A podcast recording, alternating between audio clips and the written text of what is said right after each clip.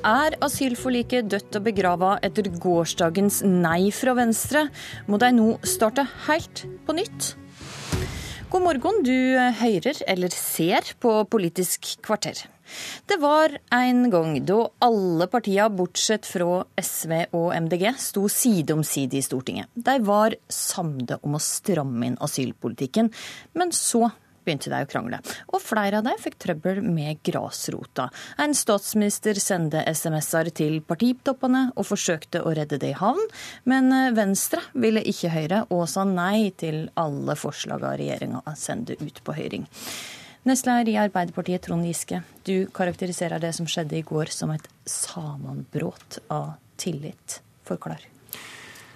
Det er jo veldig viktig at et lite land som Norge har en brei enighet om hvordan vi kontrollerer grensene våre, hvordan vi håndterer eh, asyl- og innvandringspolitikken. At vi prøver å samle oss om disse spørsmålene, selv om vi vet at det er stor forskjell på de ulike partiene. Det klarte vi i stor grad eh, da vi satt i regjering i åtte år. Jens Stoltenberg samla brei støtte til de fleste tiltakene. Og vi ønska å bidra til det også under Solberg-regjeringa.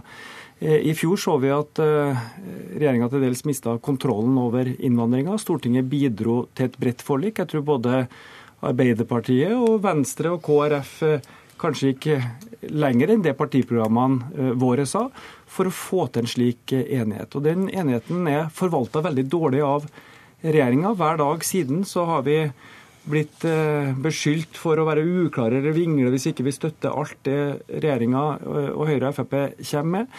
Eh, man legger veldig vekt på eh, dette med å sende ut folk, men veldig liten vekt på det å integrere de 23 000 som regjeringa faktisk har latt bli i Norge. Eh, og man lager veldig mye støy og konflikt på et område hvor man burde samle. Og Hvem eh, er dette sin skyld at, at en har dette sammenbruddet av tillit? Er det regjeringa, statsministeren, innvandringsministeren eller partiene på Stortinget? Altså, det er jo regjeringa som har ansvaret for å forvalte det forliket. Mange peker på at Syvi Listhaugs stil eh, ødelegger for dette, og det kan man jo forstå med ord som gullstol og nyte istedenfor å yte. Det er ganske langt unna de bildene vi ser av fortvilte flyktninger som drukner i Middelhavet. Men jeg mener jo til sjuende og sist at det er statsminister Erna Solberg som har ansvaret for å holde slike brede forlik sammen. Og I går i Stortinget fikk jo eh, hun eh, ramsalt kritikk fra hele opposisjonen for å være helt fraværende i eh, denne debatten og ikke ta det lederskapet som en statsminister bør gjøre på et så viktig område. Innvandringspolitisk talsperson i Høyre, Ingjerd Schou. Har regjeringa forvalta tilliten fra asylforliket på en dårlig måte? Jeg syns man har behandlet det og håndtert det på en meget uh, god måte. Men eh, prosessen går jo ikke akkurat på skinner? Ja, men dette kalles faktisk demokrati. Og i motsetning til forrige regjering hvor disse tingene skjedde i lukkede rom, så er det slik at vi har en, en regjering som nå har fått et oppdrag fra Stortinget, 161 av 169 representanter, et forlik på innstramming. Og det er altså regjeringens oppgave nå å håndtere på en sånn måte at man har sendt det på høring. Da blir det mange synspunkter, og det blir de tilbakemeldingene som vi ønsker å få få i en høring, og høringen er reell. Så uh, har ikke Stortinget noen sak nå. Vi har, et, vi har vedtatt et forlik. Eh, Stortinget får først en sak tilbake når regjeringen kommer tilbake til Stortinget. Men de punktene i disse 40 punktene, som er dels et oppdrag fra Stortinget, men også noen innstrammingsforslag som regjeringen selv har lagt på bordet Men Var det litt krever, tidlig da, krever, av Venstre å gå ut ja, Dette eh, kalles jo demokrati. Nei, for all del ikke. Dette er jo en legitim eh, debatt som vi har i det norske samfunn. Og, og jeg tenker at det å, å ha uenighet om ulike punkter Dette skjedde på kort tid. Eh, vi hadde dette forliket før jul, og så er det høring nå. Og jeg tenker at eh, når ulike partier nå kommer med sine primærstandpunkt, så må vi håndtere en sånn type uenighet. Men vi har altså ingen sak i Stortinget før regjeringen har håndtert høringene, og så kommer tilbake til oss. Og det virker som om Giske har glemt hvordan man drev med høringer når man satt som statsråd i regjering. Eh, Sylvi Listhaug får litt av skulda fra Trond Giske for at dette ikke går på, går på skinner. Hvordan svarer du til det?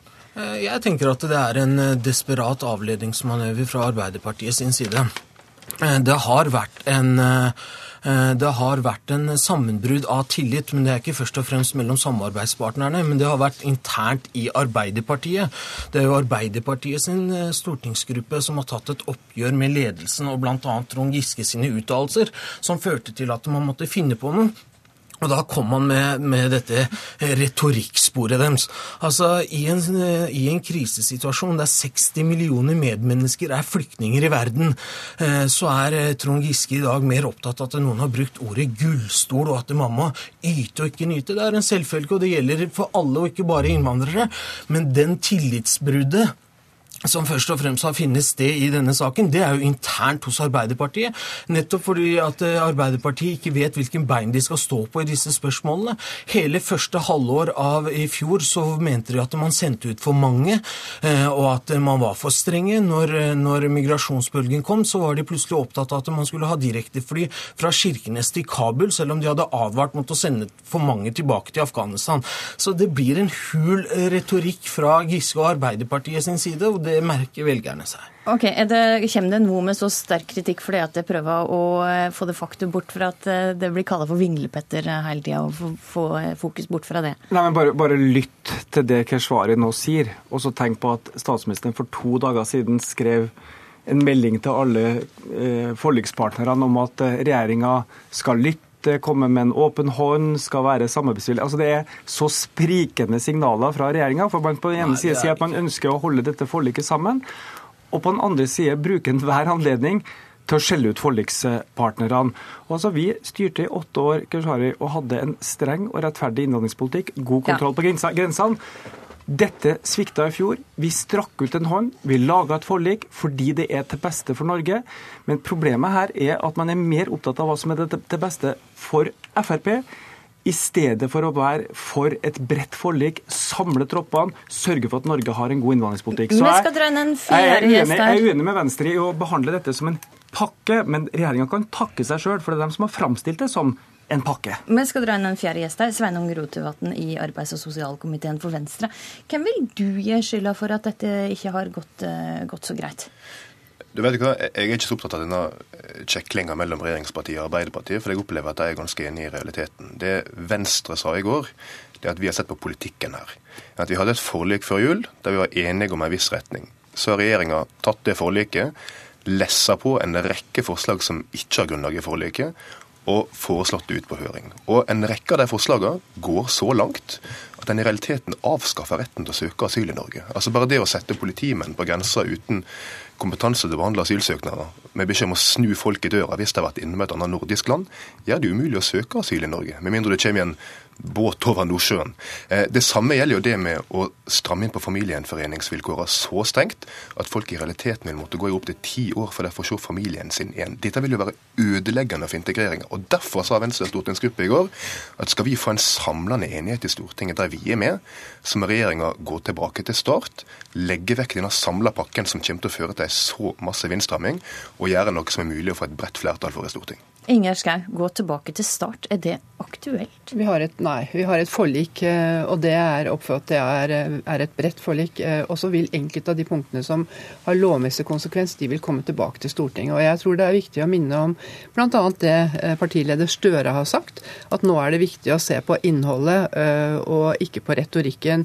Og det fordrer oss at vi har et nasjonalt lederskap. Man må huske at utgangspunktet var at vi skulle stoppe strømmen ved Storskog.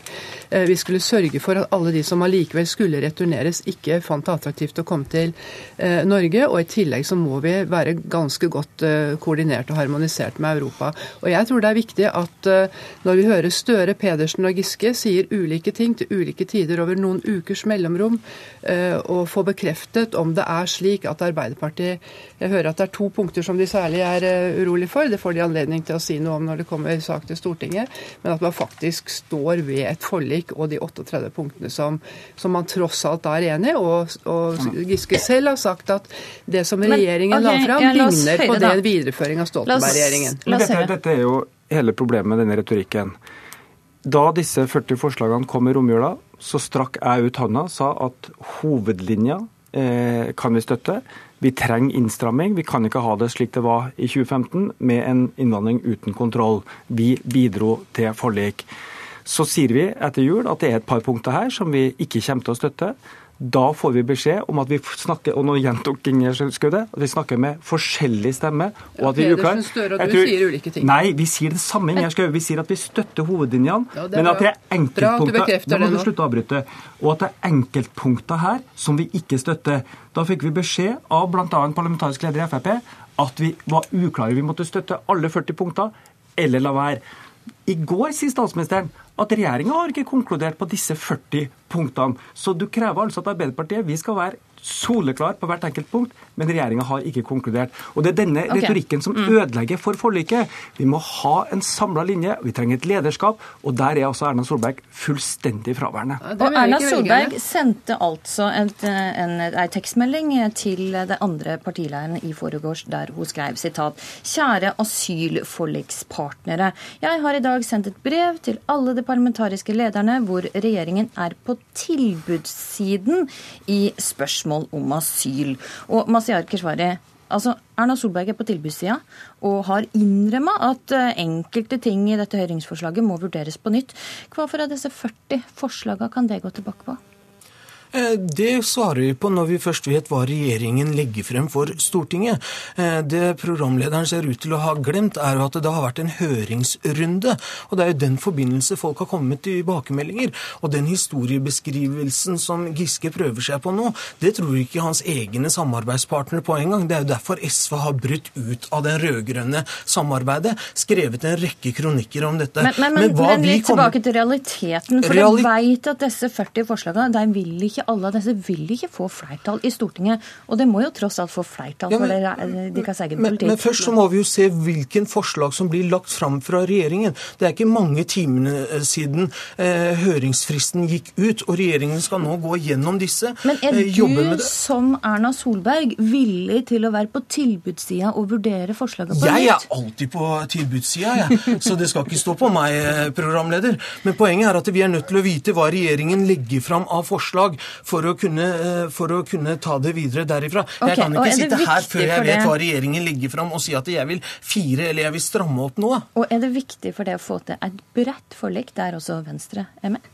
Det viktigste er å ta ansvar for, for nasjonen eh, Norge og sørge for at vi har systemer som gjør at vi kan hjelpe flest mulig av våre medmennesker som lider i verden i dag. Og da må vi ha systemer som ikke kollapser. Og det er jeg helt sikker på at både Venstre og andre partier er villige til å bidra til. Ingjerd Schou, hvor viktig er det for det å få med det Venstre på videre forhandlinger? Det er klart vi må håndtere uenigheter. Og, og det er jo ikke slik at alle disse 40 punktene skal tilbake til Stortinget. De som har lovmessige konsekvenser. men hvor viktig er det å Nei, det- få med Venstre? Nei, det er viktig uansett, det. Altså, og det å håndtere uenighet på borgerlig side, klart det er, det er viktig å håndtere det. Og så får vi se hva som regjeringen da legger frem. Og, og jeg syns det er helt legitimt at eh, Venstre eh, kommer med sine primærstandpunkt, men, men jeg tror også det er viktig å minne om at vi har altså et forlik eh, i Stortinget som regjeringen skal håndtere. Og så får vi ta diskusjonen når regjeringen kommer tilbake med sine anbefalinger, og ikke midt i en diskusjon om hva de ulike har gitt, eh, gitt av innspill på høringen. Ok, Rotevatn.